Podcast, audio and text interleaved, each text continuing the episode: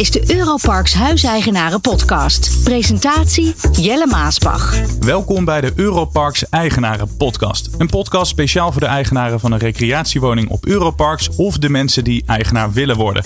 Mijn naam is Jelle Maasbach, host van deze podcast. En elke aflevering bij mij aan tafel twee gasten. Mensen die jou helemaal bijpraten over thema's die voor jou belangrijk zijn als eigenaar of toekomstige eigenaar.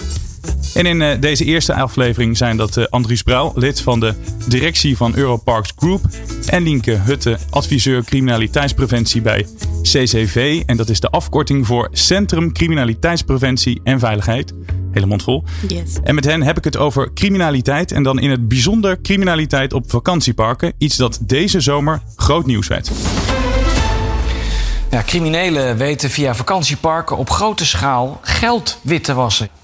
Blijkt uit een nieuw rapport over vakantiehuizen in Oost-Nederland. Nou, in de Telegraaf wordt het bijna voltooide ondermijning genoemd. En daarmee wordt bedoeld dat het witwassen hier al zo lang speelt... dat het bijna onmogelijk is om nog uit te zoeken waar het geld nou precies vandaan komt. Ja, Lienke, ik wil graag met jou beginnen. Dit was zo'n bericht, dat zag je op tv voorbij komen of je las het in de krant. Dat rapport, daarin staat dat er op grote schaal geld wordt witgewassen op vakantieparken... Maar daar blijft het niet bij. Wat zijn de criminele activiteiten nog meer die uit dat rapport naar voren komen? Um, ik denk dat het allereerst goed is om te zeggen dat ik het rapport zelf niet heb geschreven. Het is het onderzoek van het RIek Oost-Nederland inderdaad. Uh, maar welke vormen van ondermijning we nog meer op vakantieparken zien is bijvoorbeeld mensenhandel, uh, drugshandel of drugsproductie. Maar ook mobiele bendes die daar verblijven, wapenhandel. eigenlijk gebeuren er Um, nou ja, uh, alle vormen van ondermijning zie je ook terug op uh, vakantieparken. Of kun je ook terugzien op vakantieparken. Ja, en criminaliteit komt natuurlijk uh, op heel veel plekken in Nederland voor. Maar waarom dan juist in vakantieparken? Ik denk dat vakantieparken zijn voor criminelen extra interessant. Omdat je daar relatief anoniem kunt verblijven. er over het algemeen weinig bekend is uh, uh, wie daar verblijven. Je, dus vooral die anonimiteit en ook vaak de afgelegenheid van de parken um, zorgt er wel voor dat dit een, een interessante plek voor criminelen kan zijn. Maar daarbij wil ik denk ik gelijk aan het begin misschien al wel even benoemen dat dit voor echt voor een klein gedeelte van de vakantieparken is. Ja, want dat was gelijk mijn volgende vraag. Ja. Om hoeveel parken gaat het? Maar jij zegt, zegt dus een, een, klein aantal. Ja, uh, cijfers uh, kan ik je niet geven. Uh, wij zijn niet een organisatie die dat soort cijfers nou, bijhoudt. Maar ik denk echt dat het goed is om te benoemen dat het over het algemeen we het hebben over een toeristische sector, toeristische vakantieparken. Alleen dat er een klein gedeelte daarvan is waar dit soort activiteiten gebeuren. En op dat kleine, op dat kleine stukje van de sector moeten we wel, uh, nou ja, daar moeten we wel oog voor hebben. Um, en uh, goed in zicht houden wat daar precies gebeurt. Ja, we komen zo meteen ook bij de aanpak daarvan. Maar toen ik het bericht las uh, deze zomer, leek het alsof het om alle vakantieparken ging. Ja, dat klopt. Zo, zo las je het. Maar dat is, ik durf wel te zeggen dat dat echt niet het geval is. Nee. Um, wat voor soort parken zijn het? Zijn het oude afgelegen parken? Dat is wel het beeld wat er denk ik eerder uh, heerste, maar dat hoeft niet altijd het geval te zijn. Er, dat is wel het, het beeld bestond dat het met name om verloederde parken ging, um, waar al weinig uh, investeringen meer in gedaan worden.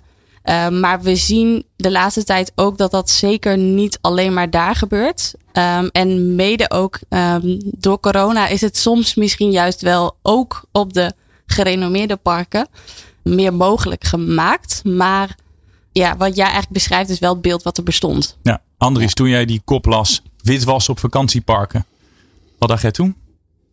Ja, dan ga je direct even nadenken van uh, hoe dan, waar dan en uh, waarom dan. Om ook vervolgens snel tot de conclusie te komen van nou dat lijkt me uh, uh, alles nagaan bij ons uh, onmogelijk. Maar het is een signaal naar de sector toe. en ik, wat, wat we net beschreven, of net beschreven werd, herken je ook wel. En ik noem dat dan de invitale vakantiepark. Want daar is dat natuurlijk makkelijker. het is niet alleen maar witwassen waar we het over hebben. Mm. Er zijn ook andere criminele activiteiten. Maar parken die eigenlijk niet meer zo interessant zijn.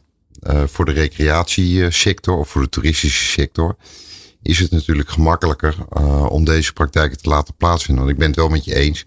Invitale bedrijven hebben, uh, zijn minder onder de loep bij Nou, alleen al de toerist, want die wilde dan niet meer naartoe.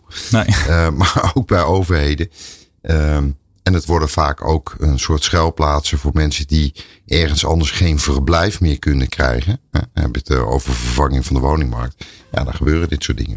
Want je bent inderdaad uh, op invitale vakantieparken ben je wat anoniemer uh, dan in, de, in het gewone openbare leven, het, zo het zomaar even noemen. Maar jij zegt dus, jullie herkennen je niet in, in dit beeld Nee, ik denk, uh, en, en uh, je leest zoiets en dan ga je met elkaar praten. Dat is ook goed, met de collega's praten van, hebben wij ergens signalen dat dit bij ons gebeurt? Nou, ik herken me er niet in en uh, mijn collega's ook niet. dat wil niet zeggen dat je altijd alert moet blijven of zoiets niet kan ontstaan. Ja, en wat zeg je tegen eigenaren die dat bericht lezen en dan denken, oh shit, misschien kan het hier ook gebeuren? Nou, hetzelfde wat ik tegen jullie hier zeg. wij moeten onze functie als als uh, zeg maar burgemeester van een dorp, want het is net een dorp. En in een dorp kunnen ook dingen gebeuren. Moeten we, of als politieagent van een dorp, hoe je het maar wil noemen, moeten wij goed vervullen en zorgen dat uh, waar het eventueel zou gebeuren, dat je direct de kop indrukt. Europarks is geen kleine speler, laten we dat voorop uh, stellen. Zo'n 12.000 huiseigenaren, hè, verdeeld ja. over meer dan 40 parken in Nederland. Wat kunnen jullie doen überhaupt om, om criminelen buiten de deur te houden in jullie parken? Nou, ligt er ook even aan uh, waar je op doelt. Hè. We hebben het hier over witwas, maar we hebben het ook over andere vormen van criminaliteit. Witwassen was een heel interessant stuk uh, uh, voor, de, voor de dagbladpers onlangs. Maar je hebt het ook over wat onschuldigere dingen, voor zover je het onschuldig mag noemen. prostitutie bijvoorbeeld gaf je geloof ik net als voorbeeld. dat betekent dat iemand een huis huurt en daar mannen of vrouwen ontvangt tegen betaling. Dat betekent uh, uh, gewoon alert zijn. Uh, wie komt te huren, waarom en voor welke periode. En zie je daar zaken gebeuren die, je niet, die eigenlijk niet in de vakantiepatroon passen. Als je het hebt over witwassen. Daar is de oplossing voor dat iets in een openbaar register staat. Dat betekent dat iedereen dus in kan zien van wie een vakantiewoning is. Want daar gaat het dan om. Is er op een gegeven moment een vakantiewoning gekocht met niet wit geld laten we het maar even vriendelijk noemen. Niet wit geld. Uh, eigenlijk in uh, eh, 80% van de gevallen van de vakantiewoningen die wij verkopen, vindt er altijd een, een uh, publicatie uh, in een openbaar register plaats. Mm -hmm. Kadaster. Dat is het openbaar register. Nou, we hebben ook een vorm waar dat niet bij zou kunnen. Dat betekent als je bijvoorbeeld een chalet, wat je als een roerende zaak zou kunnen zien, koopt en je huurt een uh, kavel waar je die op gaat zetten. Dat betekent dat je op dat moment uh, niet naar de notaris hoeft. En die zou je op een bepaalde manier betalen. Je krijgt van ons gewoon een factuur. Dus uh, de bank waar het op gestort wordt, die zou als poortwachter kunnen dienen. Het wordt een technisch verhaal. Maar, vervolgen, maar, ik, het is wel belangrijk om dat uh, aan onze eigenaren uit te leggen. Maar op het moment dat je zegt van ik ga daar een huurafhankelijk opstalrecht aan koppelen. Dat betekent dat je een opstalrecht hebt voor je chalet op een kavel die niet van jou is. Die is dan van ons. Dat betekent, dat deden we in het verleden niet. Dat zijn we nu aan het, uh, aan het invoeren. Dat betekent dat je daarvoor ook langs de notaris moet. Dat betekent dat er een, een handicap bij komt. Want die, die notaris is dan zeg maar de poortwachter om te verifiëren of dat geld uh, wat, uh, wat betaald wordt voor die uh, huur van die kavel en voor het chalet, of dat wel het juiste geld is. Dat is één. Twee, we zullen in de toekomst zelf veel meer gaan doen aan customer due diligence. Dus dat betekent heel simpel. Op het moment dat iemand iets koopt, dat je vraagt van heeft u gerealiseerd wat u koopt? Waar betaalt u dat van? Om het maar even cru te zeggen. Uh, uh, kunt u dit betalen als je er een lening op mm -hmm. afsluit bijvoorbeeld. Dus die, die aan de voorkant, uh, op het moment dat wij gaan verkopen, zullen we zelf iets meer onderzoek moeten gaan doen naar de klant. Ja. En dat gebeurt in meerdere sectoren al. Alleen we vinden het niet heel normaal dat je die vraag gesteld wordt. Nee, maar aan de voorkant kan je dus veel doen. Je kan toezicht hè, houden op de geldstromen. Wat als er al iets plaatsvindt? Lopen er dan mensen bijvoorbeeld met gele hesjes bij jullie over het park die kijken Oh, daar staan wel hele dikke auto's. Of oh, dat ziet er gek uit. Kan je dat toezicht houden? Of is daar te weinig mankracht voor? Nee, er is geen, niet te weinig man, uh, mankracht voor. Want we hebben zelf natuurlijk een, een functie als toezichthouder op een park. Dat wil niet zeggen dat wij dan vervolgens zelf ook in actie kunnen komen in alle gevallen. Mm -hmm. We hebben met iedereen een contract en er staat in wat er wel en niet mag. maar op het moment dat jij denkt van dit is niet in de haak, uh, dan sluit je dat kort met het uh, bevoegd gezag, met de politie. Uh, en daar overleggen de meeste parkmanagers die we hebben ook mee. en die treden dan op. Nou, ik wil naar de aanpak toe. Link in het rapport wordt gepleit voor een landelijke aanpak. Kan je daarin vinden? Ja, ik denk echt dat dat heel belangrijk is om landelijk te kijken naar welke oplossingen er zijn om meer inzicht te krijgen. Uh, en daarnaast denk ik dat een lokale aanpak ook heel belangrijk is. Uh, uh, jij geeft net al aan dat je dan de lokale politie daarin betrekt. maar ook de gemeente heeft daar een hele grote rol.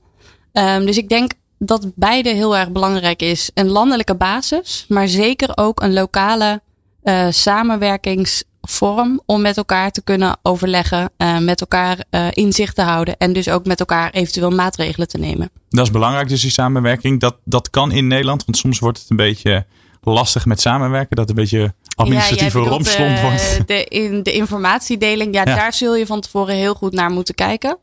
Uh, maar als het niet op persoonsgegevensniveau is, kun je echt wel het een en ander met elkaar uitwisselen. En dan is het nog net wat Andries terecht zei. Het is natuurlijk, het heeft gradaties. Dus witwassen ja, staat dan bijvoorbeeld bovenaan prostitutie, als ik het zo. Ik vind het niet. Maar nee, ja, ik. Um... Elke vorm van criminaliteit is natuurlijk. Ja, en we hebben het allemaal over ondermijnende criminaliteit. Ja. En uh, kijk, je hebt legale prostitutie en dat is dus legaal. Maar je, wat we vaak zien is illegale prostitutie. En dan is er een mogelijkheid dat er sprake is van mensenhandel. Dus voor mij is witwassen, illegale prostitutie, mensenhandel, uh, dat is voor mij, staat dat gelijk. En volgens mij wil je ze allemaal niet op je park hebben. Nee. En ik kan me ook voorstellen dat een park dat ook niet allemaal alleen aan kan. Dus dat ze ook hulp nodig hebben van instanties die je net aanhaalt. Ja, ik denk ook echt dat je het daarom dus samen moet doen. Alleen al omdat je als park de informatiepositie ook niet altijd hebt. Uh, en je lokale overheidspartijen hebben dat mogelijk wel. Nou, hoe zie jij dit, uh, Andries? Ja, um, ik ben het met je eens dat je een landelijke aanpak moet hebben. Dus we verschillen daar niet uh, van mening. Um, even terug in de tijd vroeger, toen, toen je niet. Uh, want wij hebben het iedere keer over het eigendom. in eigendom hebben van een vakantiewoning, maar er speelt nog wat anders. Mensen die komen huren. dat is ook iets wat je in de gaten moet houden als je het uh, over criminaliteit hebt. Ja. Nou, dat wordt wel, op zich wordt dat wel belemmerd uh, door een aantal uh, recente privacywetgevingen. Vroeger had je een kaartenbak, stond er precies in wie er was. En werd er weinig geboekt op het internet. Tegenwoordig is alles online. behalve wie is er nou in jouw huis of in jouw verblijf. Kijk, we worden op zich, uh, wij mogen identiteitsbewijzen bijvoorbeeld uh, kopiëren, maar slechts een deel daarvan. En dan heb je een, een, deel van het identiteitsbewijs van de hoofdhuurder. Dat wil niet zeggen dat je weet van andere gasten die in dat huis zijn, wie dat dan zijn. Nou, dat mag niet, privacywetgeving. Mm Kijk, want het zou het allerbeste zijn als je dit wil voorkomen. En ik zeg niet dat ik geen voorstander ben van privacywetgeving, dat is heel goed. Maar als je dit zou willen voorkomen, dat je een soort online nachtregister hebt. Uh, wat je in het buitenland overigens ook wel ziet. Waarin je gewoon alle gescande documenten hebt van iedereen die op dat moment te gast is bij jou. Want er kan ook iets anders gebeuren dan criminaliteit. Een ongeluk of een, mm. of een uh, iemand wordt niet, uh, wordt niet lekker en die moet naar het ziekenhuis zodat je het snel bij de hand hebt. Daarvoor zou het ook handig zijn. En dat je dat gewoon deelt met de lokale overheid. Kijk, heel, heel vroeger, uh, ik doe dit al heel lang, 30 jaar geleden moest je je kaartenbak of je bestand gewoon iedere avond naar het politiebureau brengen je nachtregister, wie, jou, wie er bij jou op het park. S'nachts met het oudje naar het politiebureau. Op bezoek waren. ja? En dan werd er af en toe wel eens op gecheckt. Nou, dat kan allemaal niet meer. Ik snap ook dat het in deze wereld uh, een beetje ouderwets klinkt. Maar dit zou je natuurlijk best digitaal kunnen maken. Hetzelfde geldt voor cameratoezicht. Want het zijn toch high traffic locaties waar wij uh, vaak op zitten. Kom nu maar eens bij ons op een, op een park hoe druk het is in het hoogseizoen. Uh, ook camerabewaking heeft natuurlijk zijn grenzen. En dat zou ook iets kunnen toevoegen, num nummerbordherkenning. Ik ben niet voor een volledig gereguleerde en gecontroleerde omgeving, maar het zou een stuk helpen. Maar daar worden we echt wel in de weg gezet, uh, gezeten op dit moment door uh, wat niet mag. Ja, dus is wetgeving. Ook, oh, sorry. Ik denk ook echt dat je daardoor de wetgeving voor nodig hebt om ja. dat te kunnen, om dat landelijk te kunnen aanpakken. Um, dus ja, helemaal met je eens. Ja. ja, want jullie kunnen ook niet uh, alles alleen doen. Je hebt dus de hulp nodig. Maar als ik het zo hoor, dan heb je vooral die wetswijziging nodig. Ja. Om de grootste stap uh, te maken. Ja, wat ik net al zei, een, een, een groot vakantiepark is net een dorp. Dus je moet ook niet denken dat daar nooit iets kan gebeuren. Daar gebeuren altijd dingen die ook in de gewone woonwijk of in de samenleving gebeuren.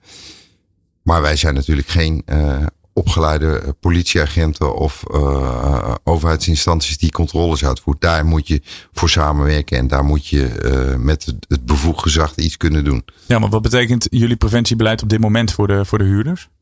het preventiebeleid ten aanzien van. Wat jullie op dit moment. Uh... Nou ja, goed. Uh, het begint ermee op het moment dat mensen inchecken en uh, toch de, dus de spreekwoordelijke sleutel op komen halen. Dat je je eerste scan al doet van is dit oké? Okay?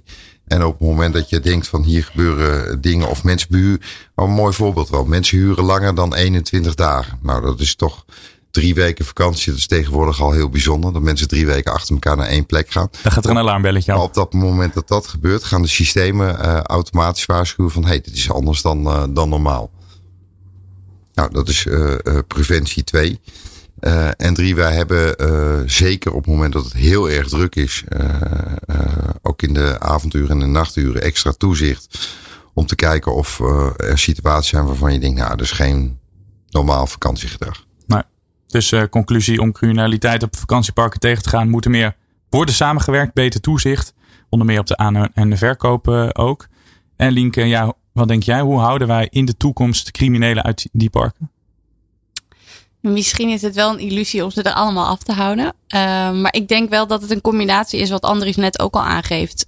meer, meer zicht met elkaar. Dus niet alleen de, de eigenaar van het vakantiepark, maar ook uh, als lokale overheden op wat er speelt op je vakantieparken, wie zich daar verblijft. Uh, dat nachtregister is daar een voorbeeld van. Daar wordt ook overigens aan gewerkt, aan het digitaal nachtregister. Dus dat is fijn om te horen, denk ik. Dus echt inzicht, overzicht en vooral goede samenwerking. Dus hou ook die lijnen kort, ook als het goed lijkt te gaan. Um, als er weinig aan de hand lijkt te zijn, zorg ervoor dat die lijnen kort zijn, zodat je bij elkaar aan de bel kunt trekken als er wel iets uh, nou ja, als er opvallende signalen zijn, als er uh, rode vlaggen omhoog ja. gaan, omdat er toch iets aan de hand lijkt te zijn.